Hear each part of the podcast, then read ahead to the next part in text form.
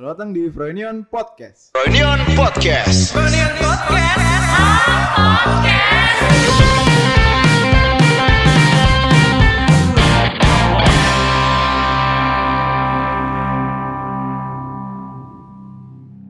Iya. Ya, selamat datang kembali di Froynion Podcast episode ke-9. Sembilan episode spesial nih Frank. Episode spesial. Spesial karena kita bukan dari Froyo. Bukan maksudnya dari yang Froynion yang pada umum yang kita lihat di YouTube. Hmm, bukan dari teman-teman. Iya.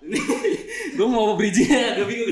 Ini kita gimana ya? Jadi kalau misalnya kalian sering nonton Froynion sampai habis tuh Hmm, di credit title, nah, selalu ada namanya Andika Alifano. Andika Alifano sebagai eksekutif produser Produser. Berarti yang punya punya punya yang punya punya yang punya owner. yang, yang punya owner. yang mana sebetulnya gue nggak tahu itu artinya apa Oh. eksekutif produser tuh ngapain sih gitu Hah, masa nggak tahu sih? nggak tahu gue Ya kan produser kan biasanya yang tiba-tiba aja ada di title Penyokong kan, penyokong. Nyokong. penyokong dana. iya, mau modal-modal dari situ. Hmm, dan tapi Andika Alifano nggak pernah nongol. Nah, itu pasti banyak pertanyaan dari si Filon, siapa Andika Alifano ini? Siapa Bro? kan? Harusnya kan Arije nih paling Nah, atas. biasanya kan- Berarti ada di atasnya. No, berarti di atas langit ada langit ada lagi. langit lagi. Nah, mungkin bisa diperkenalkan siapa bintang tamu kita sekarang. Ri risetnya salah nih Uh, kok salah? Oh, udah, belum apa-apa udah disalahin. Apa kan gue pernah nongol di satu video yang itu di kan video- yang coba-coba doang kan. Iya, Iya, sama sama bumper kan, yang Iya. bumper awal-awal Freudian banget itu kan. bumper yang mana ya? Ada Kang yang ada kucing-kucing yang masih oh ada. iya Iya iya kan, iya, itu ada iya, satu iya, frame. iya, Tahu saya kalau itu. iya iya iya iya Tapi kan nggak kayak maksudnya kayak kita ngevlog ngapain Hmm. ngapain kan Kang Dika enggak gitu. Iya, mungkin bisa di ya nggak bisa kalau gue ngevlog nanti jayus soalnya gue nggak boleh muncul sama Ari karena katanya gue jayus Wah, Sok banget ya. jadi gue juga. Waduh, bisa diperkenalkan kan siapa Kakang ini sebenarnya? Nama lengkap. nama lengkapnya Andika Alifano biasanya dipanggilnya Kakang Iya. kan orang Sunda Hmm. Oke. Em, di sini yang bikin Froyo kali ya. Founder ya. founder iya bisa dibilang Hmm. partnernya Ari Oh. kalau di Froyonion Kalau di Story yang bikin.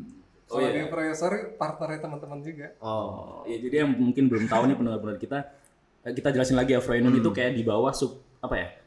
Apa sih namanya itu sub sub? salah Waduh salah ah, lagi. gimana sih lu risetnya Aduh salah ngomong saya orang. Nah, tadinya tadinya Iya. Froyonion itu tim videonya Produksi, Story. tim produksinya salah juga Buset. Aduh salah terus. Kita, tim riset kita ini siapa sih sebenarnya?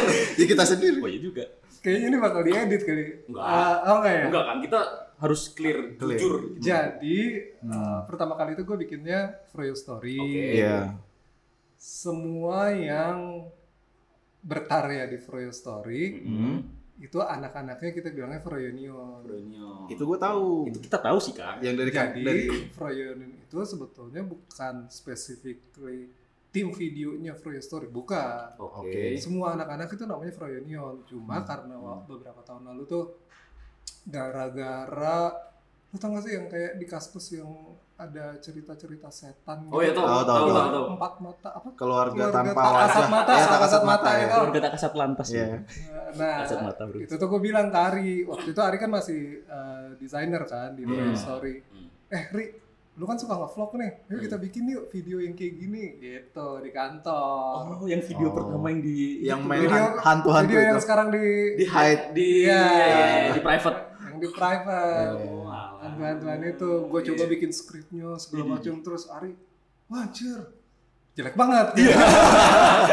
Pasti begitu kan awal-awal mesti jelek-jelek terus. ya udah terus akhirnya kita bikin terus nama channel YouTube-nya apa ya kayaknya nggak seru kalau saya Froyo Story udah kita bikin aja Froyonion seperti Oke. sebutan untuk anak-anak ya udah kita bikin Froyonion Hmm. Terus Froyonion punya sebutan lagi buat pengikutnya Civilio. Civilio. Civilio Itu benar-benar kita yang sekarang ini. Fren.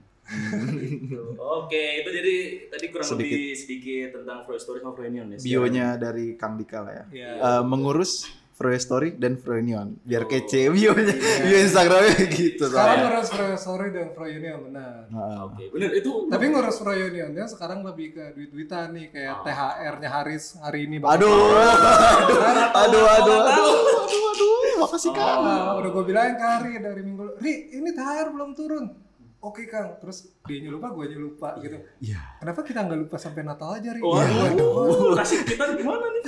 Ternyata Hari, Kang, ayo kita harus masukin THR. ya udah oke gue mah tinggal approve kan Oi, Oh. makasih makasih. Emang punya, punya owner gitu doang sih. Iyalah. Tanda aja. tangan tanda tangan aja. Eh, yang gue baca juga lu itu lulus S1 Oh iya eh, Kang, iya. S1 di Lau ya, Kang ya? Iya kan kita mau nanya background kakak nih kan Hmm. Froy Story kan agensi desain nih. Iya. Nah kakak sendiri tuh backgroundnya apa sih? Kuliahnya di agensi kreatif Ya iya, aduh sorry salah lagi nih bro.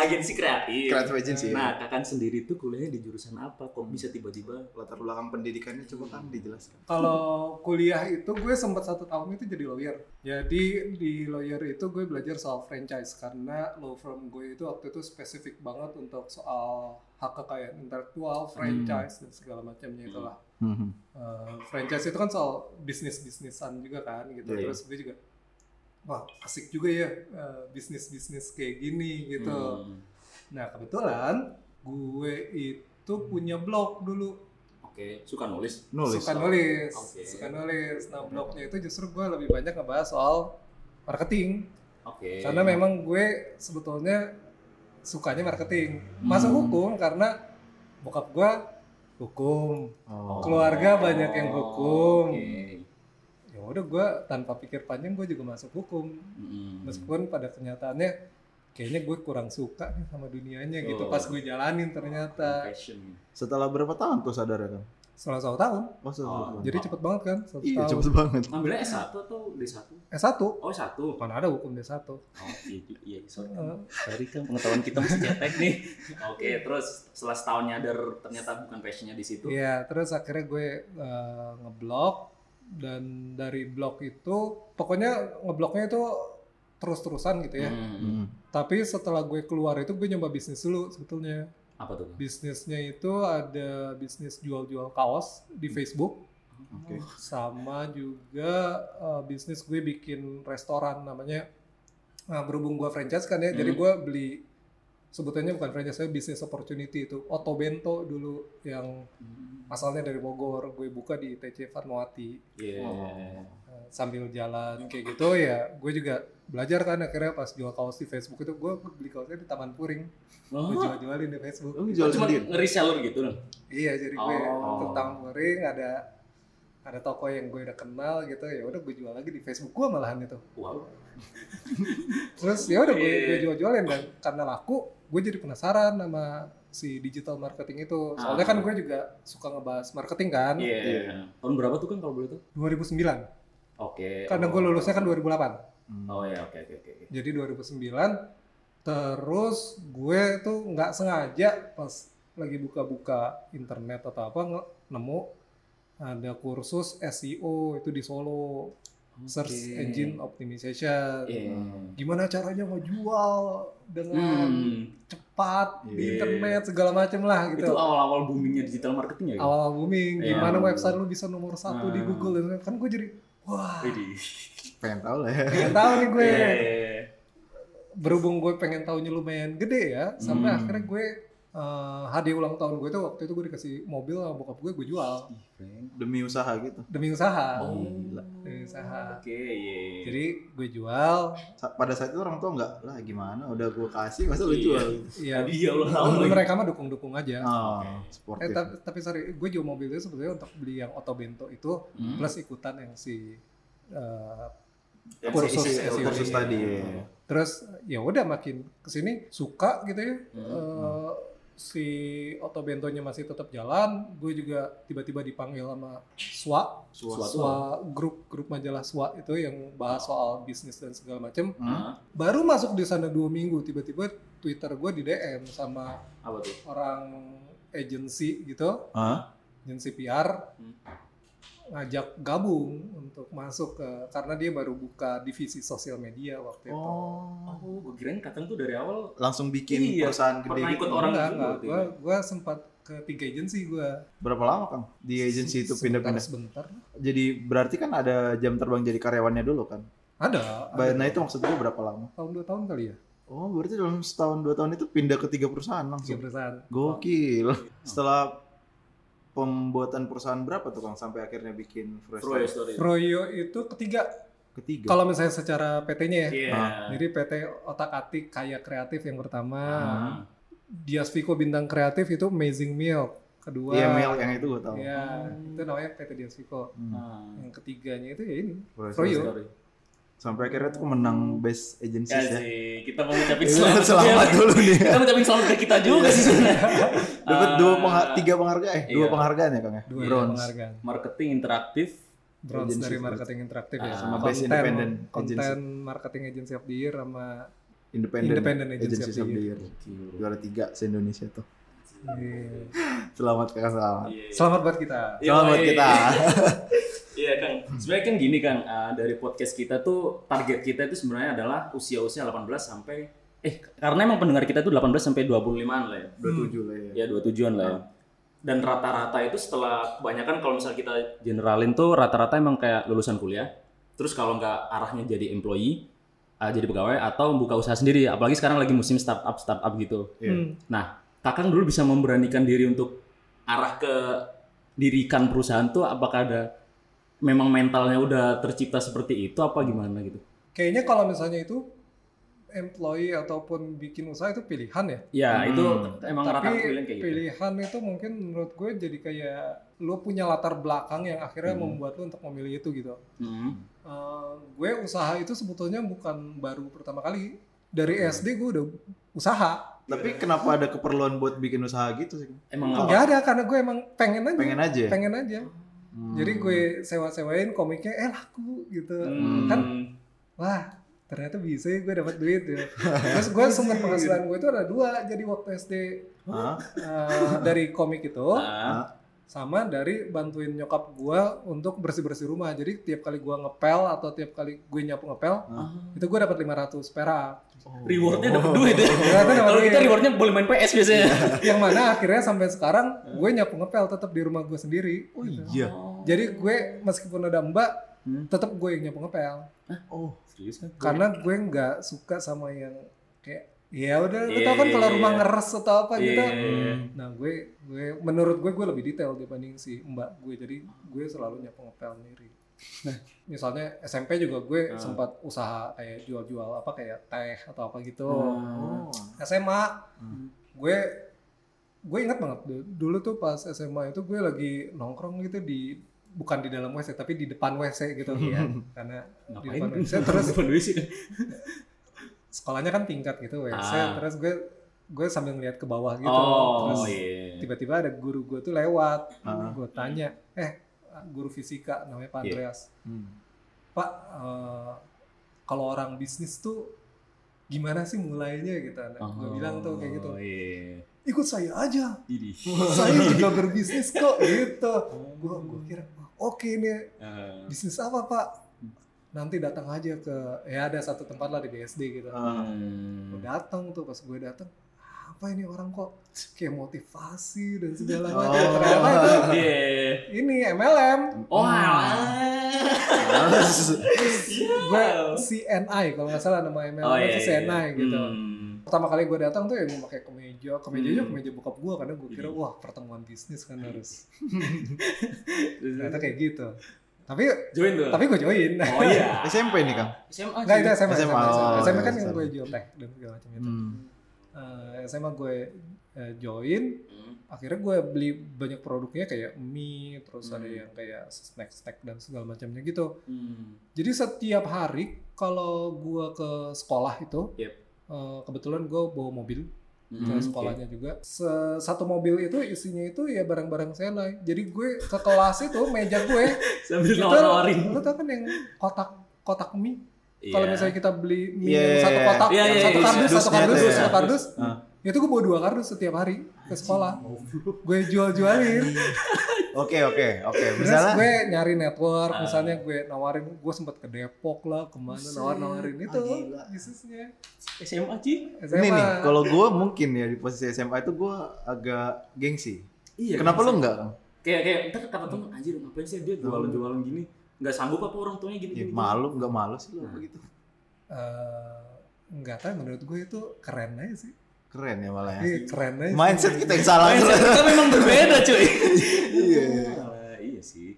Dari mentalnya udah kebentuk sih, Frank. Iya, Hmm. Jadi eh, sampai kuliah, Hmm. kuliah pun gue ngeliat kayak ini sebetulnya bisnisnya kecil-kecilan semua ya. Iya. Hmm. Eh, kayak kuliah itu gue ngeliat di kos-kosan gue itu kebetulan gue satu kosan itu sempat satu kosan yang isinya cuma 8 kamar, Hmm. sempat satu kosan yang isinya 125 kamar.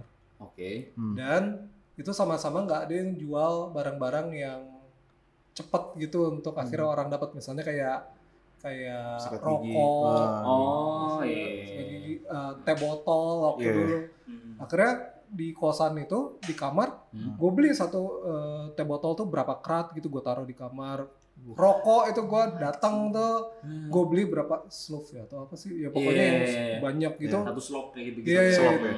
Ya. gue beli itu beberapa merek yang menurut gue nih pasti laku nih gitu Kakak kan nggak ngerokok juga kan? gue gak ngerokok Iya. gue sama sekali nggak pernah ngisep rokok Oke. tapi iya. gue Tapi jual kayaknya rokok. bisa dijual gitu. Oh, ngerti pasarnya dia. Jualan. Nah, akhirnya di SMA tuh di kosan ya udah gue jual jualin itu sama gue jualan pulsa waktu dulu kan Iya, pulsa kan masih jual jualan kan Iya, gitu. iya, susah dulu. sama gue jual pulsa Gila ngeliat peluang tuh cepet banget berarti ya Kang. Iya dan bisa baca peluang kayak gitu. Gue dulu baca peluang Frank, misal Iya. gue lihat teman-teman butuhin tapi nggak ada kepikiran untuk Mau ngelakuin Iya, ya. sebetulnya peluangnya kan banyak, Banyak cuma banget. tindakannya aja Iya, kan yang actionnya. harusnya dilakukan. Nah kebetulan waktu itu mungkin karena gue nggak ada kerjaan kali ya, jadi gue ya udah apa aja gue kerjain deh gitu sampai pas sampai ke bawah ke kuliah. Lu, lu dari tadi bilang selalu bilang nggak ada kerjaan. Emang kalau sekarang gimana Kang? Kan sekarang udah CEO, founder segala macam gitu. Masih ngerasa nggak ada kerjaan? Sekarang gue masih ngerasa nggak ada kerjaan. Ah gimana? Nggak mungkin lah. Serius? gue sudah melewati yang banyak kerjaannya soalnya. oh, fase-fasenya sekarang ini udah Sekarang- autopilot. Oh. Sebetulnya bukan autopilot, tapi udah banyak orang-orang yang akhirnya gue bisa percaya Percayai. untuk ngejalanin. Nah, ini nih kan, mau ngomong-ngomong masalah orang yang dipercaya ini. Iya. Kita kemarin tuh sempet ya tanya-tanya beberapa orang. Teman-teman kolega-kolega kita. kolega kantor kita nih. Apakah ada pertanyaan titipan? Ah. Oke. Nah, pertanyaannya adalah kenapa Kakang mempercayai di Fro, di Froy Story ini rata-rata tuh usianya di bawah 30 tahun Hmm. untuk untuk dipekerjakan di sini gitu. Untuk menjalankan perusahaan yang lu bangun ini. Kang. Oke. Alasan pertama, Oke. duitnya nggak banyak-banyak amat, makanya ya udah yang di bawah 30 tahun lah. Press grade press grade lah ya. ya oke. Tapi itu al- alasan bodohnya. Iya. Ya. Alasan yang terpentingnya adalah Mhm. gue tuh sangat mengidolakan ini loh apa Alex Ferguson Oh, Oke. Oh, di- Lu Manchester United. Ini- ya meskipun sekarang jadi klub semenjana. gue ya, Liverpool loh, Kang. Lu sekarang lagi jago ya. Iya. Uh, dan mereka tuh gue inget banget pertama kali gue suka bola itu tahun 97 98 Hmm. 98 terutama ke eh, Manchester kan waktu itu treble kan. Menang ya tiga. Uh, dan itu tuh isinya kan class of 92 di mana itu tuh Oke. isinya orang-orang akademi Hmm. kan Beckham dan segala macam Iya. itu kan orang-orang akademi Hmm. dan di tahun 96 kan juga sempat ada obrolan tuh kalau misalnya lu mau menangin apa dengan anak-anak kecil itu Iya, gitu iya, kan Oke, Betul, ya. oh, oke. Nah, tapi kan Alex Ferguson tetap percaya gitu Hmm. karena gue juga mengidolakan dia gimana cara dia manage people dan segala macam gue tuh sampai punya kayak semua ya biografi lah artikel-artikel Alex Ferguson lah yang mungkin uh, dia ngajar di Harvard lah gue gue punya itu semua gitu dan Hmm. itu tuh kayak kerekam semua dan gue juga akhirnya kayaknya gue juga harusnya bisa mempercayakan anak-anak muda ini untuk bisa memegang peranan tertentu gitu di perusahaan yang gue bangun itu kenapa dari awal itu gue selalu mencari fresh graduate Oke. sebetulnya Uh, ya kalau misalnya yang alasan bodoh itu Iya, ngebayar gimana sih enggak sih karena Oh. uh, lu punya value lu pasti akan dibayar sesuai value itu gitu Betul. nggak peduli berapapun umurnya gitu banget. Uh, Oke. Itu yang akhirnya gue bikin bangga ketika kita menang awards kemarin Iya, kemarin. Oh, iya. karena ketika lo ngelihat banyak agensi lain yang menang awards juga Hmm. Aduh. itu yang datang tuh yang mungkin di atas atas umur gue gitu sorry ini ya, yang mungkin tua-tua gitu ya. gue nggak bilang tua sih Iya di atas umur gue Iya, di atas. Uh, tapi ketika Froyo Store yang diumumin Hmm. ah, anak-anak kecil yang datang ke panggung gitu. stage kayak gitu yang dilihatin sama orang Bocah-bocah. Bocah-bocah siapa gitu kan yang 24 tahun 23 Iya. tahun gitu Iya. datang tapi terbukti kan kita bisa gitu Benar. Hmm, hmm. Gitu. ya Oke. gue bangga Oke, terjawab lah ya ini Iya. buat sobat kita yang mempertanyakan ini Iya, kemarin. Kemarin ada yang nanya soalnya. iya, pertanyaan titipan. jadi muda bukan berarti tidak bertalenta Ih, Iya, betul. benar banget. kalau gue denger tuh kan kalau misalnya anak muda tuh menjual masa depan, tapi yang mungkin yang sudah berusia dia ngejual pengalaman. Ya, Benar, ya. ya. Tapi kan ini Kang, jadi ada effort lebih untuk ngebentuk anak Mm-mm. muda itu tadi kan. Berarti kayak nge-training kayak Hmm. gitu-gitu nggak sih? Iya benar. Terus lu apa eh, tahu kalau ini nih anak yang tepat buat Hmm. gua didik dari mana? ketika dia berusaha mendekat ke gue. Oh, oke. Jadi Simpel itu. eh, ini juga gue ya gue kan sambil belajar juga ya. Iya. Eh, sekarang kita juga satu company kan udah hampir 100 orang, Iya. Sekarang Eh, 70, 90 eh. enggak 90 90-an Iya. ya? 90 kalau kalau misalnya di grup itu. WhatsApp sih 70 ya. Iya. Itu kalau di grup WhatsApp, tapi kan kita Ah. punya orang-orang ada di Jogja, Oh, kita iya. punya orang-orang yang ada Ah, ya iya, tahu ya. semuanya lah yang Hmm. yang nggak ada di grup WhatsApp. Ini ngomong-ngomong grup WhatsApp aja ada yang baru masuk lagi. Iya. Iya, dinamis banget ya grup kita. Langsung nambah. Iya, oh serat, iya sih seratusan ya ini total. Enggak, enggak, enggak nyampe 100. Hampir 100. Hampir 100. 100. Oh, oke. 90-an. 80 90-an gitu. Hmm. kalau nggak salah. Eh, eh tadi pertanyaan apa lupa. gue. Kenapa eh, lu tahu dari mana ini anak tempat gua didik? Oh iya. Ah. Eh, kalau yang paling basicnya Hmm. gimana dia bisa approach gue sendiri sih. Hmm. Karena sebetulnya gue bukan orang yang susah untuk didekati gitu loh. Hmm, tapi orang-orang ini Tapi orang-orang itu duluan. duluan biasanya nih kakak nih kakak. Padahal gue juga kan milih duduk nggak bersekat, gue Iya milih sih. bareng sama anak-anak Nah, segala Iya macam. sih, iya sih. Cuma ya mungkin karena sekarang orangnya makin gede dan karena mereka ngelihat mungkin, wow Kang Dika. Ini Punya- dia nih. punya owner nih. Yang punya. Padahal kan owner juga Iya, manusia ya. Gue iya, pengen bercanda, gue pengen ya udah sharing-sharing apa Hmm. gitu. Malahan jadinya gue suka datang ke satu meja nanya-nanya meskipun nanya-nanyanya nggak jelas juga ya biasanya gue. Aduh. Tapi itu cara gue untuk mendekat gitu karena Oh, iya. nah ketika nggak ada timbal balik itu mereka juga masih canggung nah gue juga oh ya udahlah gitu. Oh. Nah, Hmm. untuk Iya orang-orang yang akhirnya mendekat Hmm. ya contohnya misalnya Ari segala Iya. macam, ya gue akhirnya bisa bisa sangat dekat sama mereka dan Hmm. kebetulan circle yang mendekat ke gue ini semuanya adalah orang-orang yang emang punya apa ya punya komitmen tinggi untuk maju gitu Oh, iya mereka pengen diajarin mereka nggak apa-apa untuk dimarahin gitu Hmm, Iya, iya, iya, iya. Betul. tahan banting lah nih Ya, anak-anak ini nih gitu Nah. iya Iya sih. ya, gue tahu gitu ya udah berarti gue gue cuma akan buka diri ke orang-orang memang approaching ke kakak. approach ke gue langsung dan Hmm. memang menunjukkan kalau misalnya mereka benar-benar pengen maju gitu punya kemauan buat punya kemauan jadi ketika lo punya kemauan apa pun akan gue coba untuk fasilitasi gitu. Hmm. Iya, kakak sedekat itu. Dia kan eh, nyimpenin ulang tahun semua. ulang tahun iya, Iya kan? Kak? Jadi tiap pagi nih Frank kadang selamat ulang tahun. Uh, di Khalifah nulis tiap setiap mesti tiap hari tuh biasanya kayak gitu kalau ada yang ulang tahun. Hmm. ya meskipun kadang gue nggak akhirnya meskipun eh, apa namanya setiap jam 9 pagi biasanya Ah, itu hmm. alarm gue bunyi kalau misalnya ada yang ulang tahun gitu Oh, ini nyimpenin semua. tapi kadang nggak gue ucapin langsung Oh. soalnya gue pengen jangan semua inisiatif itu selalu sekarang tuh semuanya dari gue gitu Hmm, dia iya, ngucapin bener, selamat ulang tahun dari gue apa segala macam Hmm. jadi gue nunggu dulu ada orang ngucapin baru gue ikutan Hmm. ngucapin gitu Oh. meskipun kadang-kadang udah gatel tuh Iya sih. Mana nih mana nih gitu Iya. gatel gue kalau misalnya ucap ulang tahun gak dikasih sesuatu kayak gitu gatel gue di baliknya gue marah-marahin itu orang yang tanggung jawab berarti lu produktif banget lah ya Kang. emang itu produktif ya? Nggak, maksud gue lu bisa memanage semuanya dengan baik gitu. Menurut gue Hmm. lu bisa nge-manage perusahaan, lu bisa Hmm. nge-manage anak-anak yang ada di sini gitu. Maksudnya Hmm. terus lu masih sempat olahraga. kita Masih nih mau ngomongin itu nih kan. Belum masih belajar gue Iya, masih belajar. kita mau ngomongin work life balance-nya Kakang. Hmm. Hmm. Jadi Kakang nih kalau misal kalian belum tahu dia lu sehat banget kan. Maksudnya health, jaga healthy life banget kan. Ngerokok aja enggak. Rokok kagak, minum kagak ya kan. Gue pernah lihat stories lu, lu minum tuku sampai hampir seminggu tahan tuh. Apa tiga lima hari hari? lima hari lima Iya, lima hari. Lima hari, lima hari. karena satu tuku itu mengandung 190 kalori Tuh kan Buset, tahu ya. sampai disimpan cuy. jadi gue kalau meskipun banyak yang DM ya banyak banget itu yang DM Hmm. gak basi Iya kan? emang agak asem sih tapi gue kuat-kuat aja nih gitu.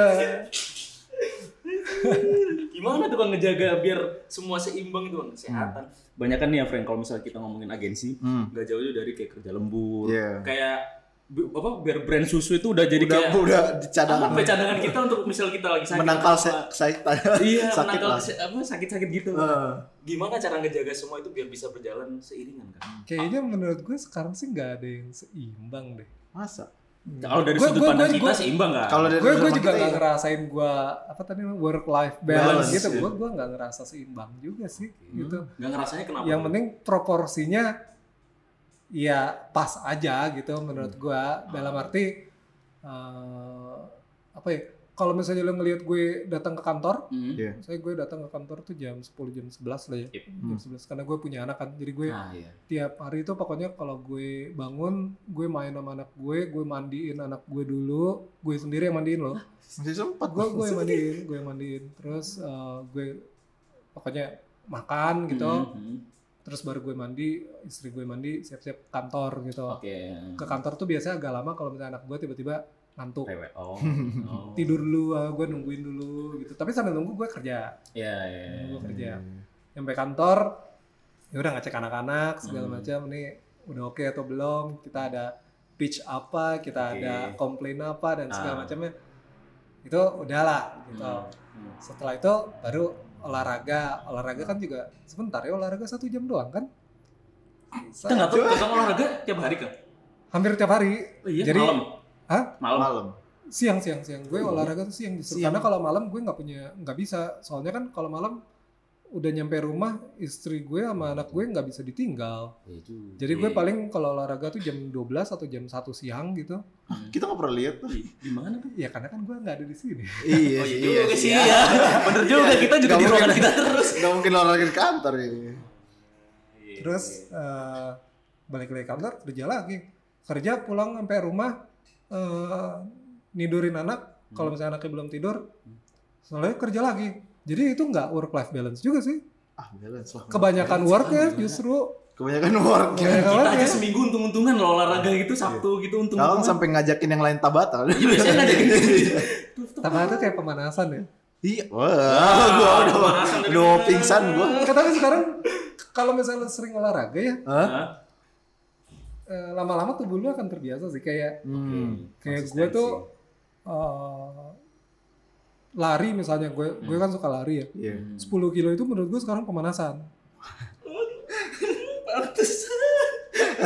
Oke, 10 kilo pemanasan. Oke, oke. Eh, Terus yang karena pemanasan? karena lu udah terbiasa dengan ritme Oh, yang kayak gitu. iya, bener, gitu. bener, bener. Jadi wah harus ya lebih lagi lebih lagi lebih lagi. Makanya gue sempet tuh rekor tuh satu buat gue pribadi ya Iya. rekor tuh Hmm. Apa tuh? satu jam itu gue lari 12 kilo lebih pokoknya Anjir. satu jam Buset, buset. Ya itulah friend, makanya jangan merokok, jangan minum minuman. itu ngefek banget. Lu minum juga enggak ya, Kang? sekali kalinya gue minum itu yang di videonya Froyonion itu Yang nyobain Amer ya? Apa? ayah anggor orang tua Iya. yang ketan ya ketan Iya, hitam ya? ketan hitam. Ah, oh iya kata dia. Buset. Wow. itu sekali kalinya gue minum Kayak dari tadi kalau gue simpulkan lu lurus banget Iya, kok bisa hidupnya. menjaga lurus itu yang misalnya kan kita nih tahu kan semua orang uh, misalnya udah punya apa ya kayak keinginan lurus lurus gitu Ah, pasti tergoda akan sesuatu gitu. iya. Nah kakak sendiri tuh tergoda akan hal apa sih yang bisa yang dari yang lurus Mengganggu. ya. hmm, Yang bisa belok gitu. yang bisa membuat Kakang keluar dari jalur tuh biasanya apa? keluar dari jalur apa dulu nih Ya misalnya jalur yang udah Kakang Tentu ini tentuin. lurus gini. Apa gitu hal yang mudah kalau nggak misalnya tahu kita mungkin karena gue hmm, gue bukan yang neko-neko juga sih ya. Iya sih. Hmm. kalau misalnya lu tahu ya Ah, eh, ya lu pasti nggak tahu sih. Gue mesen McD Hah? itu selama gue pesen McD itu gue cuma mesennya panas satu. Nggak pernah yang lain. Selama gue pesen Yoshinoya gue selalu pesennya pokoknya yang yakiniku. Gue nggak pernah pesen yang lain jadi kalau misalnya gue ada pesen kalau gue udah sat- suka sama satu itu yang akan gue jalanin terus-terusan satu itu aja terus Hmm. gue bener-bener nggak pernah mesen menu lain di Yoshinoya selain yakiniku kenapa nggak pengen mesen McFlurry kan? Enak loh. Iya, gue makan tapi minta ke istri gue. Gitu. Tapi gue nggak pernah pesan sendiri. Kenapa? Kenapa nggak pengen? Iya. Nggak ada keinginan. Jadi gue kalau misalnya gue udah suka sama Satu sesuatu, Hmm. ya udah itu aja yang gue jalanin. Ah. Makanya kalau misalnya lo bilang gue lurus lurus banget, ya mungkin itu emang dari dari gue nya kali ya, yang Hmm, iya sih. yang kayaknya nggak tertarik untuk mencoba. Yang neko-neko aneh-aneh gitu. Tanpa ya, Kakang sadari. bukan, bukan aneh-aneh juga sih Iya kalau misalnya nyoba menu-menu lain. Iya nyoba doang kan biasanya kita bosen juga lah. Tapi gue nggak pernah bosan. Nah, itu. Biasanya nih Kang orang-orang kreatif tuh gampang bosen. Nah, Kok Iya. bisa Kakang nggak bosenan? Ya nggak tahu kenapa. Buset. gue nggak bisa, gue nggak bisa ini soalnya gue nggak bisa ngomong kenapa nggak bi- nggak bisa bosan karena emang sifatnya kayak gitu kali ya. Iya, Iya, bawa- karena emang bawaan- bawaannya kayak bawaan. gitu sih. Ya. Lalu kalau misalnya ngeliat di rumah gue tuh kalau misalnya ada sesuatu yang kayak misalnya di Hmm. lemari es misalnya, Yep. lemari es gue tuh harus rapi, Tertata, rapi. rapi tertata. Meskipun gue bukan orang yang rapi banget ya, bukan Hmm. berantakan banget. Kayak lo ngeliat baju gue, tiap hari gue pakai baju hitam, Baju itu polos. Polos. polos, baju hitam. Karena gue nggak suka untuk tiap hari gue harus berpikir gue harus pakai baju yang mana ya gitu. Ya, ya udah gue cuma ngambil yang hitam, hitam, hitam dan tiap kali gue beli baju hitam tuh mau itu ya mereknya beda-beda sih. Hmm. Tapi pokoknya baju hitam polos kaos biar gue nggak usah mikir aja. Oh. Jadi itu menghemat waktu gue Iya sih, untuk Untuk milih-milih gitu. Untuk Lu, milih-milih. lu pernah apa eh, nonton atau baca yang itu kang minimalis minimalis itu? Enggak. Oh, enggak gue ya? juga baru denger-denger sekarang itu. Oh, gue kirain lu udah menerapkan itu jauh-jauh hari. Iya. Enggak ya? enggak. Kan gini kan, kalau misal kita tarik lagi, orang-orang kreatif kan kadang susah diatur. Hmm. Kakak sebaliknya, Hmm. mengatur diri gampang kayak ini, berarti kakak tepat untuk mengumpulkan orang-orang yang tepat. Bener. Kayak Bisa misalnya jadi. mengumpulkan Ari J, mengumpulkan orang-orang yang berpengaruh Sebetulnya gue nggak mengumpulkan sih, gue beruntung untuk akhirnya Hmm. didekatkan dengan orang-orang itu gitu. Oke. Dan gue juga tidak merasa diri gue sebagai orang kreatif sih. Hah? Gue kakak- tidak, gue tidak sekreatif Ari misalnya. Oh ya, iya sih. Eh, gue tidak sekreatif saya kayak di bawah tuh ada Tufel, Tufel sih, gitu. Gue gue nggak kreatif kayak gitu. Gue justru cenderung berada di tengah-tengah terus-terusan gitu. Hmm. Kreatifnya juga setengah-setengah, Ya. kemampuan analytics juga setengah-setengah gitu. Jadi kalau Basicnya itu- tahu ya tapi kan. tahu Tahu, gue iya, selama iya, tahu iya. basicnya ya udah. Hmm. tapi gue bisa eh, gue tahu gue mau ke mana gitu itu yang akhirnya gue tekenin ke Ari itu yang gue Hmm. Oke. tekenin ke anak-anak yang lain juga gitu Iya. Harus punya ini berarti ya, tujuannya itu ya. Iya sih. ya dong Nah, itu- as a company as an individual lo harus punya purpose. Ah. Benar, benar, benar. karena itu yang ngebuat lo untuk setiap pagi bangun semangat menjalani hari Hmm. Iya karena sih. ada purpose-nya itu gitu dan kalau gue purpose-nya sekarang justru lebih gimana caranya gue bisa bikin orang-orang yang ada di sekitar gue Hmm. itu lebih sejahtera. Oh. Iya sih. gimana biar bikin mereka lebih bahagia gimana nah itu Hmm. itu purpose gue tuh Tiap hari mikirin itu kan. tiap hari setiap hari gue berusaha untuk mencari tahu karena meskipun agak susah ya Hmm, karena iya. kita harus ada orang-orang yang akhirnya kita kita ajak ngobrol Hmm. kita ajak untuk bekerja bareng segala macam tapi kadang-kadang pace-nya nggak sama Iya, iya, akhirnya benar. purpose-nya juga belum kita nyampe tapi mengarahnya ke sana Uh, Hmm. misalnya nih contoh-contoh kecilnya uh, gimana bikin orang bahagia misalnya gitu Hmm. yang ada di kantor misalnya dari segi outing misalnya Oh, Ah, iya, iya. benar. Iya. Salah satu caranya itu ya. Ya, uh, gue merasakan kesenangan ketika gue datang ke Bandung. Hmm. Itu outing pertama Froyo itu ke Bandung. Oh iya, Iya. pernah cerita. Gue ngajak anak-anak Hmm. ke Bandung. Gue seneng banget itu ke, ya udah ada. Kan kita outing kan pernah ke Bandung, akhirnya pernah ke Bali, eh Jogja, Bali, Hmm. Singapura, Korea. Thailand, Hmm. Korea, Yep. sama yang next year kan Jepang kan. Jepang. Itu kalau misalnya lu lihat patternnya adalah Hmm. semuanya udah pernah gue kunjungin. Iya, Dan gue pengen- duluan. Iya. Iya, dan gue pengen tuh apa yang gue rasakan di tempat-tempat itu dirasakan juga sama anak-anak yang ada di sini. Hmm. Bos. Jadi gue mengusahakan sekali untuk ayo kita bisa gitu. Hmm. Kita lu gue ngerasain ini, lu harus bisa juga ngerasain ini misalnya. Oke. Hmm. Jadi gue harus berusaha untuk bisa mencapai itu gitu. Makanya gue juga yang misalnya next year ke Jepang ini, Hmm. gue pengen banget anak-anak ini ngerasain serunya ada di. Jepang gitu loh. Oke. Serunya di Tokyo, Iya. serunya udara dingin. Deh. kan belum pernah kan? Oh, iya. Soalnya kan kayak bulan lalu gue ke Jepang kan Hmm. Ada anak yang DM gitu.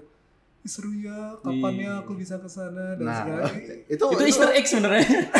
itu orang lain tuh entah nggak kenal gitu kang. Yang Kantor, ada yang tadi. kantor. Oh. Nah, kan tahu. Oh. Itu sebenarnya udah kebaca sih Frank Iya. sama anak-anak. Ini kakang kalau ke Jepang berarti kita oh Gampang udah kebaca Udah itu. ada yang baca Kalau saudara. Udah ke Jepang dulu. Oh iya. Makanya gue harus lah, gue usahakan harus. Gila ya. Iya, iya. Biar kalian merasakan. Oh, iya. Hmm. Kalau misal kita coba tarik lagi dari pembicaraan kita tadi, Kakang udah berhasil dirikan beberapa perusahaan, Hmm. terus bisa dalam apa? Bisa sampai di posisi sekarang ini. Hmm. Kakang udah merasa sukses belum? Belum. Cepet Belum. banget lagi jawab. Langsung jawab gitu, Frank. Iya. Kenapa Kang kok bisa ter- ngomong belum sukses? Sukses di fase awalnya udah. Oke, Jadi. Oh, gue tuh ngebagi sukses itu ke dalam beberapa goal-goal kecil gue gitu. Hmm, checkpoint gitu ya Kang? ya? Iya, ada Hmm. checkpointnya. Hmm. Jadi uh, cuma kalau goal besarnya sukses banget Hmm. belum, karena goal besar gue itu gue pengen bikin si Froyo ini jadi kayak perusahaan kreatif yang punya semua bisnis di segala bidang kreatif gitu. Mau itu sekarang kita ada di agency, Hmm, ya. kita ada di media, Hmm. next year kita mau ya bidang yang lain. Apa tuh? Nah, Apa tuh bidang lain kan? Nah, itu semuanya tuh gue pengen pengen pengen apa ya? Pengen ngerasain dan pengen punya bisnis di situ. gitu. Eh, dari tadi kan kita, gue tahu banget lu itu sebagai pemimpin yang punya visi lah. Pasti ya. Hmm. Sebagai gue sebagai apa? Employee pasti gue pengen. Tapi lu tau visi gue gak? Enggak, cuman gue percaya. Gue gagal. Enggak dong, tapi gue percaya sama visi lo karena karena kan kita selama ini Gimana lu percaya kalau Say misalnya hi, hi. gak tahu visi gue? setelah habis ngomong ini, Oh, tadinya kan kita hai hai doang kan, di, ya kayak ketemu kang kang gitu. eh, gue berusaha untuk menyebarkan visi gue itu justru ke anak-anak yang langsung di bawah gue gue sekarang. Hmm. Oke. iya. gue percaya kalau misalnya gue mampu untuk ngasih tahu apa yang gue mau ke misalnya kalau Freudian Ari Hmm. Iya. Ari kita harus gini gini gini gini Hmm. ya Ari yang harus mampu untuk ngasih Ke tahu ke kalian Menyampaikannya lagi, lagi, gitu. ya. Jadi mungkin yang kalian tahu mungkin visinya Ari dan segala macam itu udah campuran dari apa yang gue obrolin sama Ari misalnya Iya. gitu Oke. ya mungkin itu yang akhirnya lo percaya apa Ah, yang ah. Ari Hmm. omongin ke lo Ya. yang akhirnya iya. tertularkan tapi bukan dari gue langsung kan Heeh. Hmm. Kalau employee kan harusnya bisa percaya sama visi pemimpinnya kan. Iya Yang mau gue tanyakan itu dari tadi kan kita ngomongin dari sudut pandang employee-nya aja nih. Hmm. Kalau dari sudut pandang leadernya apa sih yang lo harapkan kayak kalau lo mau ngikut sama gua, lo tuh harus gini gini gini gini gitu. Harus siapa tahu dari pendengar kita banyak banyak yang komen juga sih Kang sebenarnya itu Freud story Hmm. kap- buka lagi kapan gitu-gitu tuh banyak sebenarnya. kenapa eh, sebelum gue yang jawab kenapa lu ngomongnya employee sih Ya, Ya. karena gue merasanya seperti itu. Iya. Emang iya? Mungkin karena ada Itu pengkategorian aja sih. Pengkategorian aja Iya sih. Ya kalau diumpamakan nahkoda dan awaknya lah. Iya. Nah. Makanya kakak Iya. kita awak kapal nih. Siap karena gue karena gue nggak pernah ngomong gini. Gue salah satu yang hal yang paling gak gue suka adalah ketika gue dipanggil bos. Hmm. Hmm. Makanya kita bilang leader. Iya, karena gue sama leader udah jelas Iya. beda. Karena beberapa kali di presentasi itu ini ada bos gitu dan langsung kayak, hmm, Hmm, iya. gue bukan bos, gue cuma kebetulan aja ada di sini di posisi ini bareng-bareng sama lo Iya. dan milih lo untuk jadi tapi gue bukan bos. Mm-mm. gue tidak berhak untuk mengatur semuanya. Iya, iya. Kita sering kok kan ngeliat meme-meme ngomong apa ya? bedanya bos sama leader tuh. Ah. Tahu. Ah. Iya. Nah, dan gue juga nggak suka ketika gue ngomong ke anak-anak, lu karyawan. Oke. Hmm. Hmm. Gue setiap kali gue ditanya misalnya mau itu di keluarga, mau Hmm. itu di lingkungan bisnis dan segala macam, Hmm. ketika gue ditanya berapa orang karyawannya dan segala macam, Iya. gue selalu orang-orang yang uh, partner-partner yang ada di Froyo Story itu partner nih. Partner ya berarti. ya. Karena gue gini dengan gue duduk bareng-bareng sama kalian aja Iya. itu tuh gue pengen ngasih tahu gitu ya kalau misalnya gue tidak berjarak dengan kalian Hmm. Gak ada gap. kalian yang bikin jarak sebetulnya sama gue Iya sih. Takutnya itu loh, Itu udah ada kayak mindset ini yang punya punya orang. Aduh aduh aduh. Iya sih. gue gue nggak mau nggak mau yang kayak gitu Hmm, makanya Oke. gue nggak mau di tadi pertanyaan gue lupa malah Eh, berarti apa? Ap- apa yang lo harapkan dari calon partner lo? Karena kita dari tadi dari sudut pandang partnernya kan, bukan dari pandang leadernya gitu. Iya, iya, iya. Yang lo harapkan. Sebelum- harapannya ya Hmm, sebelum orang, gue pengen ke sini, lo tuh harus punya ini ini ini ini. berarti orang yang belum masuk ke sini Yang belum Calon masuk, partner. yang mau masuk nih dia. Iya. nih. Mela yang baik Email. Itu basic banget sih, Itu basic banget. Banyak yang nggak ngerti cuy. Freudian juga banyak kan kayak gitu. pakai bahasa Inggris karena kalau pakai bahasa Indonesia biasanya langsung gue hapus emailnya Hmm. Wow. jadi gue bilang ke HRD semua email yang masuk pakai bahasa Indonesia itu hapus kenapa Mm. bukan karena gue nggak nasionalis atau apa ya Hmm. tapi kita berinteraksi dengan perusahaan-perusahaan multinasional Hmm, betul. yang mana membutuhkan skill dalam bahasa Inggris juga Benar, benar, benar, benar. email-emailan nanti juga bisa jadi ya ada yang bahasa Indonesia tapi ada juga yang bahasa Inggris gitu Hmm, hmm, hmm. jadi gue nggak mau tuh kalau misalnya dapat email bahasa Indonesia Itu catat nih ya, Bos. itu Itu gue sebut- pribadi sebut. itu gue pribadi ya Iya. Iya, iya, iya. Uh, yang kedua ya lo harus punya etika dalam beremail juga Hmm. subjeknya Benar. body copy-nya Itu lampirannya Iya, iya, iya. ini basic banget karena uh, kayak Freudian tuh buka lamaran misalnya Hmm, hmm. itu yang masuk 400 gitu kan Iya. cara nyortir gampangnya ya itu doang subjek, bodinya. subjek body itu Iya sih. terus lampiran terus bahasa Inggris atau enggak kalau misalnya nggak sesuai semua hapus hapus hapus gue nggak peduli dia portfolionya bagus atau Iya enggak sih. gue hapus hapusin aja dulu Hmm. baru setelah itu sortir lagi dari portfolio gitu kan Oke. Oh, terakhir tuh malah pas portfolionya. portfolio itu Iya. terakhir Iya. nah tapi tahap paling penting itu justru ketika berdiskusi ketika interview Hmm. Iya benar. jadi ketika lu udah nyampe ke sini gitu lu di Hmm. interview kayak kemarin tuh gue sempat interview Hmm. uh, kenapa lu uh, memilih untuk datang ke Froyo gitu Hmm. karena ini rumah gue ah. eh apa karena ini dekat rumah gue Oh. terus Wow. uh, lu kok dalam hati ya, Hmm.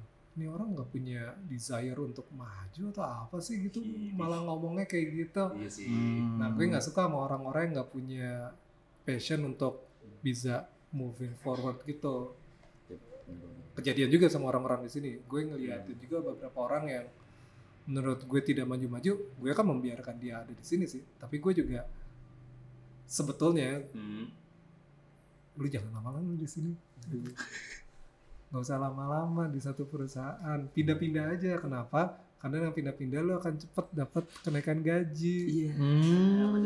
Gak usah dari Iya iya iya iya iya. di Iya sini itu lu akan di value lebih ketika lu juga menunjukkan nilai lu yang lebih juga Hmm, gitu. jadi meskipun pada awalnya kita misalnya nggak begitu gede gitu ya Yep. Hmm. tapi orang-orang di sini tuh ya banyak banget sih contohnya Iya. naik gaji itu bisa dua tiga kali setahun sebetulnya Aduh. Keren. Menggiurkan. Kan tuh sama-sama calon partner di Proyek siapa tahu. ketika lu tapi ketika lu menunjukkan Ya, eh, kemauan dan kemampuan Komitmen tadi. Oke. Komitmen. Iya. komitmen ya akhirnya berjalan lurus dengan skill lu Oke. dan itu punya kontribusi punya impact ke perusahaan gue bukan orang yang pelit kok soalnya gue sangat Iya nih. gue sang gue sangat apa ya gue suka berbagi Ih, salah satu contohnya ini Ini bawa tuku tuku. kopi. Iya. Mau kita sebenarnya mau ngasih-ngasih sajian, eh kita yang disajikan. Swin, mau ngasih apa ya buat kakak minumnya masa nggak ada. Udah nggak usah lah yang air putih aja. Ya datang datang Dibawain papan. tuku ya. Ya udah makasih ya Kang. Ya kan, makasih. Ya udah kita mungkin udah di penghujung podcast kita nih, Frank. Hmm. Kan kalau eh, kemarin gue lihat maafkan untuk omongan saya yang tidak jelas ini Ya, Dan maafkan juga buat teman-teman. gitu. Ya kan, Kita gitu. kalau kurang optimal ya. Iya. Maaf nih.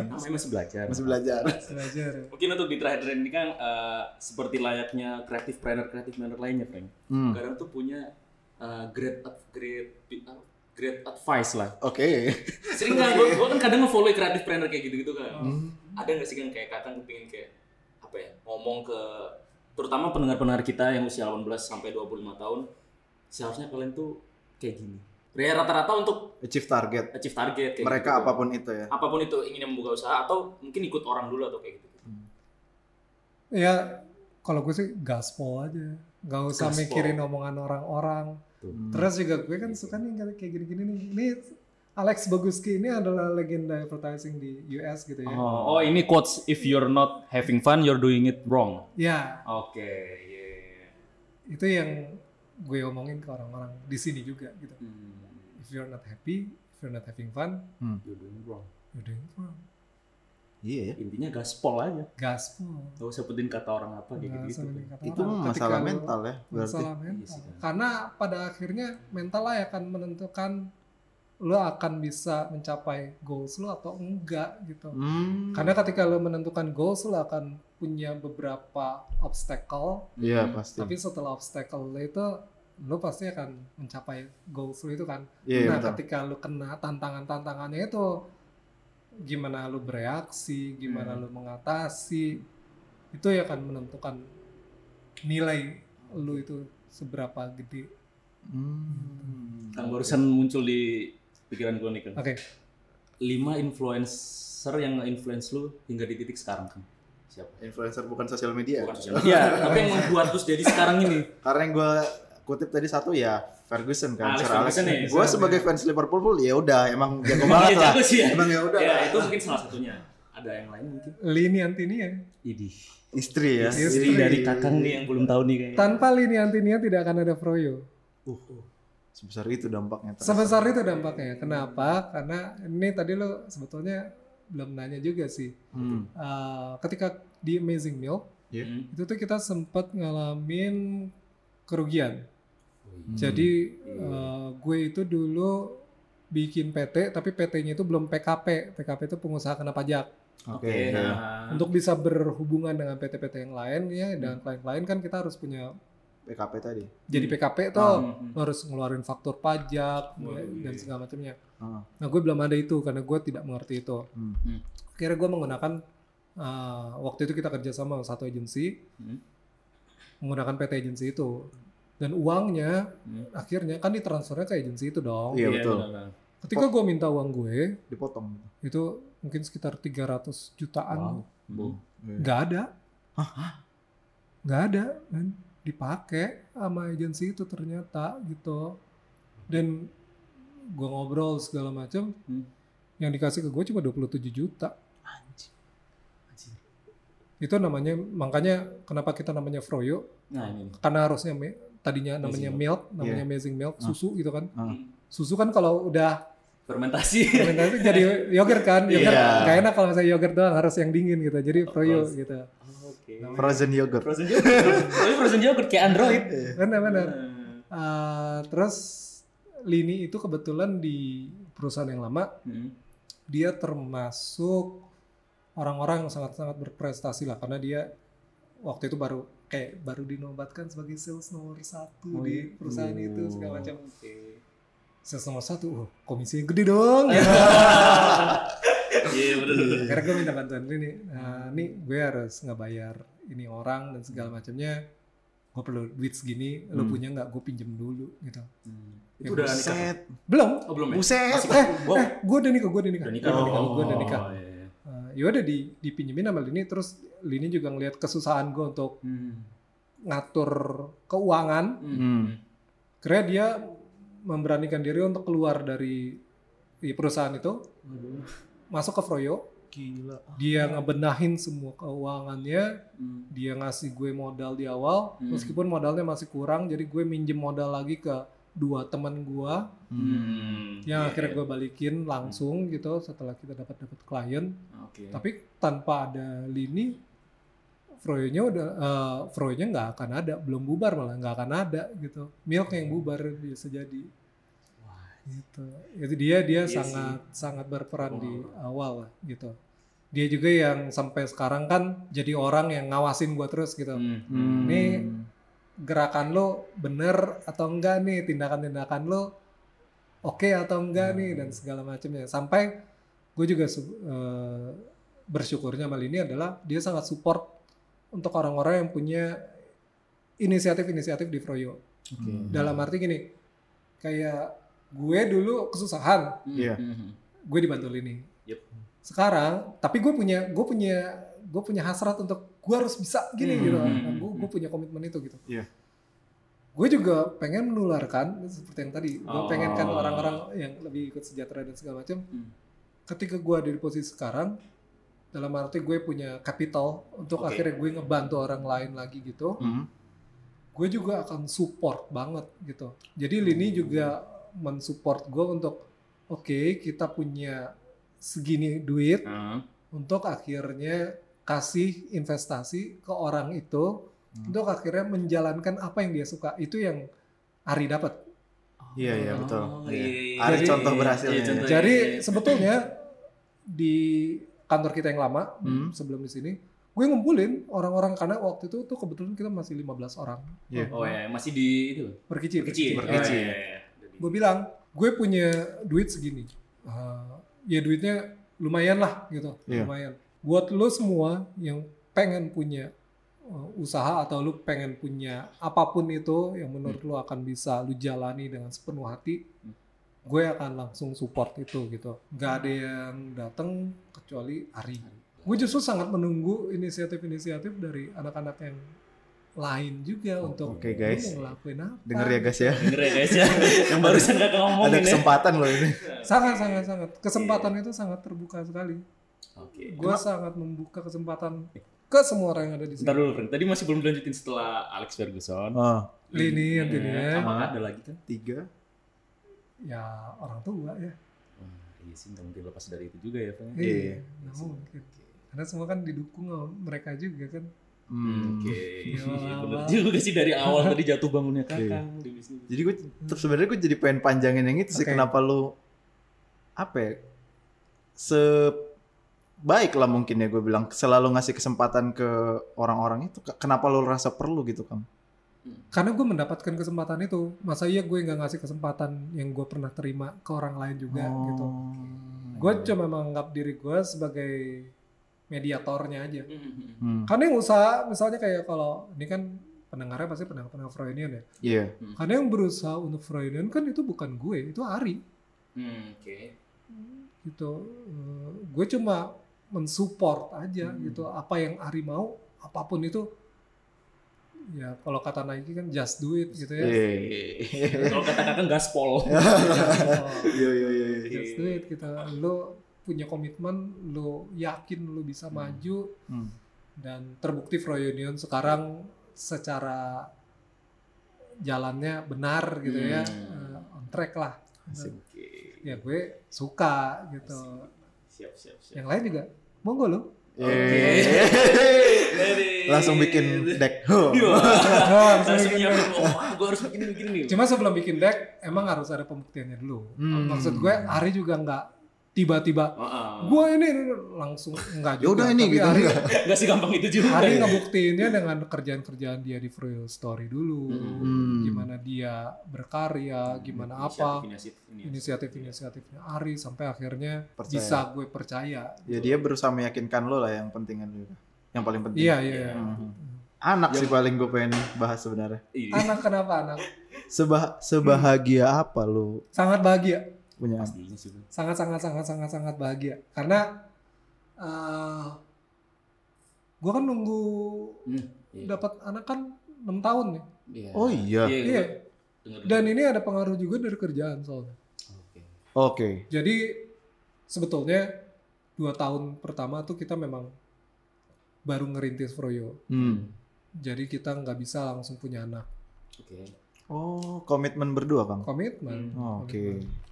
Uh, maksudnya uh, apa namanya ya kalau dikasih ya alhamdulillah Hmm. tapi kalau kalau enggak pun kita akan berusaha banget untuk akhir gimana ngebesarin Froyonya dulu Oh. karena anak gue waktu itu kan di Froyo udah ada beberapa ya gitu Iya. Iya sih.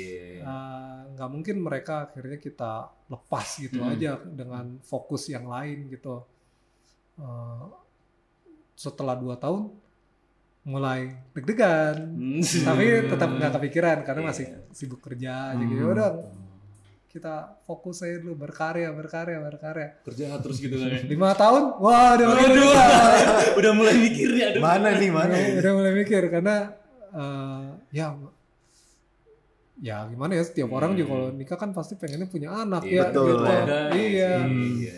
itu tuh gue sempet tuh di bulan Januari Hmm. 2018 Hmm. gue udah sempet kayak cek-cek ke rumah sakit Hmm. dan gue dibilang normal, ini dibilang normal, Hmm. ini tuh unexplained fertility atau apalah gitu pokoknya Iya. yang cuma terjadi ke 3% orang yang ada di Aduh, seluruh dunia. waduh. Wah. Ah, Malah makin mikir. Kata dokternya kayak gitu kan. Iya. Oh ya udah lah gitu. Eh tapi ternyata seminggu kemudian eh kok Lini nggak dapat dapat hmm. gitu. Heeh. karena harusnya ketika kita udah dijelasin itu Hmm. si dokternya bilang mau nggak lu nyoba ke fase selanjutnya Iya. Hmm, bisa iya. jadi gue lupa apa pokoknya salah satunya bayi tabung lah Iya itu tahap. Eh, tahap-tahap selanjutnya gue sudah mengokekan itu dan itu Hmm. akan kita program di Februari 2018 Hmm. tadinya Iya tadinya. tapi di Januari itu si Lini kok nggak dapet dapat terus tiba-tiba pas pagi-pagi dia di rumah tuh hari Sabtu harusnya siangnya gue meeting Oke. Hmm. eh, kesakitan perutnya Oh. Gue eh cobain yuk tes pack Tespek gitu ini. masih ada sisa nggak ya gitu Eh, masih nih katanya satu ya udah di tes pack gitu ya Eh, kelihatan ah biasa nih satu oh. gue buang lah Ah. ke tong sampah Ah. Lini mandi gitu mandi yaudah siap-siap yuk kita mau meeting Hmm. Pas Lini keluar kamar mandi ya gantian dong gue yang mandi Iya. Iya. terus Lini nanya tapi tadi di mana dibuangnya Ah, Iya. di tong sampah kata gue Ah. diambil sama Lini jangan jangan dibuang tong sampah lu Ah. harus kayak bungkus dulu apa dulu Hmm, gitu Oke. taruh lah sama dia di uh, atas lemari es Ah, nanti tolong ya dibungkus-bungkusin segala macam gue Ah. mau dandan segala macam ya oke Iya. oke nanti habis mandi gue habis mandi uh, ya udah gue ke lemari es gitu gue ngeliat ini kok ada sama ya gitu ya tanya kali ini ah. ini kok garisnya dua Yes. tapi yang satu samar banget kata gue Hmm. sendiri juga eh, iya ya kok gitu ya kata masih ada lagi nggak tes packnya nggak ada gue beli Oh. gua gua deg-degan Excited banget. langsung. excited deg-degan banget nyampe mobil pun gua kayak mau starter mobil tuh sampai kayak gemeteran gitu. Woi. kapatik Iya. gue beli dari yang paling murah sampai yang paling mahal. Cobain semua. Iya, iya, iya. cobain lah sikat. Gue cobain ke Lini kata Lini kan eh, pokoknya kalau misalnya dalam tiga menit atau berapa menit nggak muncul garis dua itu berarti nggak ada apa-apa gitu. Oke. udah dicobain satu. Eh, iya cuma satu doang gue tungguin kayak gitu gue Ini gue goyangin gitu. Iya, gue goyang goyang goyang gue goyang goyang goyang goyang eh muncul Eh. sama lagi cobain lagi satu lagi semua. pas mau nyobain Ah. Hmm. pas mau nyobain yang satu lagi tuh Hmm. Kata eh, apa namanya kata kakaknya Selini Hmm. jangan langsung sekarang katanya Oh. Cobainnya tuh nanti di tiga jam lagi atau berapa gitu Oh. Oke. iya. oke lah kayak gitu ya udah akhirnya kita jalan eh, mau meeting Hmm. pas mau meeting tapi kayak gue pengen tahu deh gitu. Udah gak sabar ya kalau. Gak ada kabar. Akhirnya harus gue harusnya gue meetingnya ke TA, Hah? eh ke TA lagi apa ke ya pokoknya ke Grand Indonesia. Iya. Eh, gue bilang ke partner gue, Hmm. Gue kayaknya nggak jadi meeting, Hmm. lu aja yang meetingnya gue mau ke rumah sakit kata gue. Langsung ngecek ke Rumah rumah sakit, sakit. gue langsung partner gue akhirnya yang sendirian pergi Hmm. meeting ke rumah sakit kata dokternya ya ininya mah kita juga masih belum tahu bu soalnya Oh. masih baru awal-awal katanya Iya iya iya. coba balik ke sini dua minggu lagi Hmm. itu selama dua minggu itu kerja nggak bisa Iya, iya, di iya. rumah juga uring-uringan gitu nungguin hasil Hmm. dua minggu Setelah dua minggu? setelah dua minggu gue ke dokter lagi Hmm. eh udah ada. Ciu, gitu. Dapat juga. Oh, udah dapet juga keren gue bilang gue tadinya excited gitu gue ngasih tau ke nyokap sama bokap gue Hmm. sambil makan tapi mereka nya oh oke gitu gue kira mereka bakal excited banget gitu kan cuma gitu doang gitu akhirnya Terciptalah Kana. kira ada karena Kana. Kana tuh dari nama apa? Nama kota di iya kan ya? Jepang ya kan. karena itu uh, waktu lini uh, umur janinnya 4 bulan Hmm. Iya. itu kita tuh ngajak orang tua untuk jalan-jalan ke Jepang. Hmm. salah satu kota yang kita kunjungin itu namanya Kanazawa Woi. Wah, Oh iya. Dan di- Iya, gitu. iya, bener-bener. dan di Kanazawa itu ya selayaknya umat-umat muslim umur Hmm. 4 bulan ya Iya. kan didoain Oke. di apa Hmm. pulang-pulang tuh kita sangat terkesan dengan kota itu Kanazawa Hmm. tadi. dengan Kanazawa Oke. dan gimana cara keluarga kita itu mendoakan dan segala macamnya Hmm. kira kita cari-cari nama yang harus ada kananya gitu. Biar kita selalu teringat dengan kota itu. Kanazawa eh, ka- karena Kanazawa akhirnya "Ya udah Arkana aja deh gitu. Ah, iya. Ya udah jadinya kita pilih Arkana. Nah, goals gua setelah Arkana lahir Hmm. Dia satu tahun dia harus datang ke kota itu. Karena- Kemarin kan Oh, ulang iya. tahunnya. Oh iya. Akhirnya gue Oh. ngerayain satu tahunnya tuh di Kanazawa juga gitu. Karena dia harus punya cerita Oh, gimana iya. dia merayakan satu tahun yang sesuai dengan inspirasi anak, inspirasi namanya. Iya iya lu filosofis banget sih Kang Iya, ternyata. Pas raker reunion kemarin pakai baju itu. Iya itu filosofis banget. Iya. Ini gue menggambarkan waktu raker pertama gue. Sama mil. Wuh. Gue langsung. Bermakna lah kehidupan Bermakna ya. ternyata. Ya penuh filosofi ternyata Kang Dika. Ya, setelah kita tadi udah ngomongin itu, itu jadi penutup aja Frank ya. Hmm. Buat bahasan kita tadi itu bonusnya ya Frank. Bonus itu. Buat dan teh ini. Hmm. Ya, ya. Jadi terima kasih udah dengerin Friend Podcast episode Iya. ke-8. Terima kasih akhirnya diundang. Iya. Gue dari dulu tuh kadang pengen di mixin Frank. Di konten Frank iya. Eh. Cuman ya buat podcast aja. Iya, ini ini pemanasan. Siapa tahu nanti Ari udah denger, oke boleh. sikat mix. Oke. Nomornya eh, sembilan lagi. Kenapa Kang? Gue sangat suka dengan angka sembilan. Soalnya Hmm, filosofis lah. Filosofis banget. Ada filosofinya lagi. Gila, pas lo angka Angka, terbesar. Kenapa kan suka banget sama sembilan? sembilan itu kan angka terakhir. Eh, Hmm, dari satu sampai Satu sembilan. Iya. Terus juga eh, sembilan itu eh, apa ya? Kalau menurut orang tertentu itu angka keberuntungan gitu kan. hmm. Jadi gue juga menganggap sembilan itu sakral sih. Oh, pas lagi. nih. pasti. Gila. Sembilan. password gue juga ada sembilannya. Ada beberapa password yang ada angka sembilannya. Oh? Ketemu nih. Pinatnya menang ya. Ada sembilan satu. Cobain satu satu. Oke, oke. Ya udahlah. Eh, Kang Dika, makasih Kang. makasih Kang udah mau bagi-bagi sama kita Iya. pengalamannya. Bagian value dan insight. Terima kasih. Oke. Emang ada value-nya ya gue ngomong Wih, set. Banyak banget Kang. Banyak, Kang. Ini bisa dirapatkan lagi nanti Haris yang edit. Oke, em, terima kasih untuk semua kalian semua yang udah dengerin Friend and Podcast episode ke-8 Ke sembilan. ke-9. Maaf ya Frank. Episode 9 bersama gua Haris Franky, Dan gue Aswin DC. Dan tamu kita. Dika. Iya. Kang Dika. Kang Dika, Bang Ali. Alia. Terima kasih sudah mendengarkan. Sampai berjumpa. Bye. Dadah. Dadah.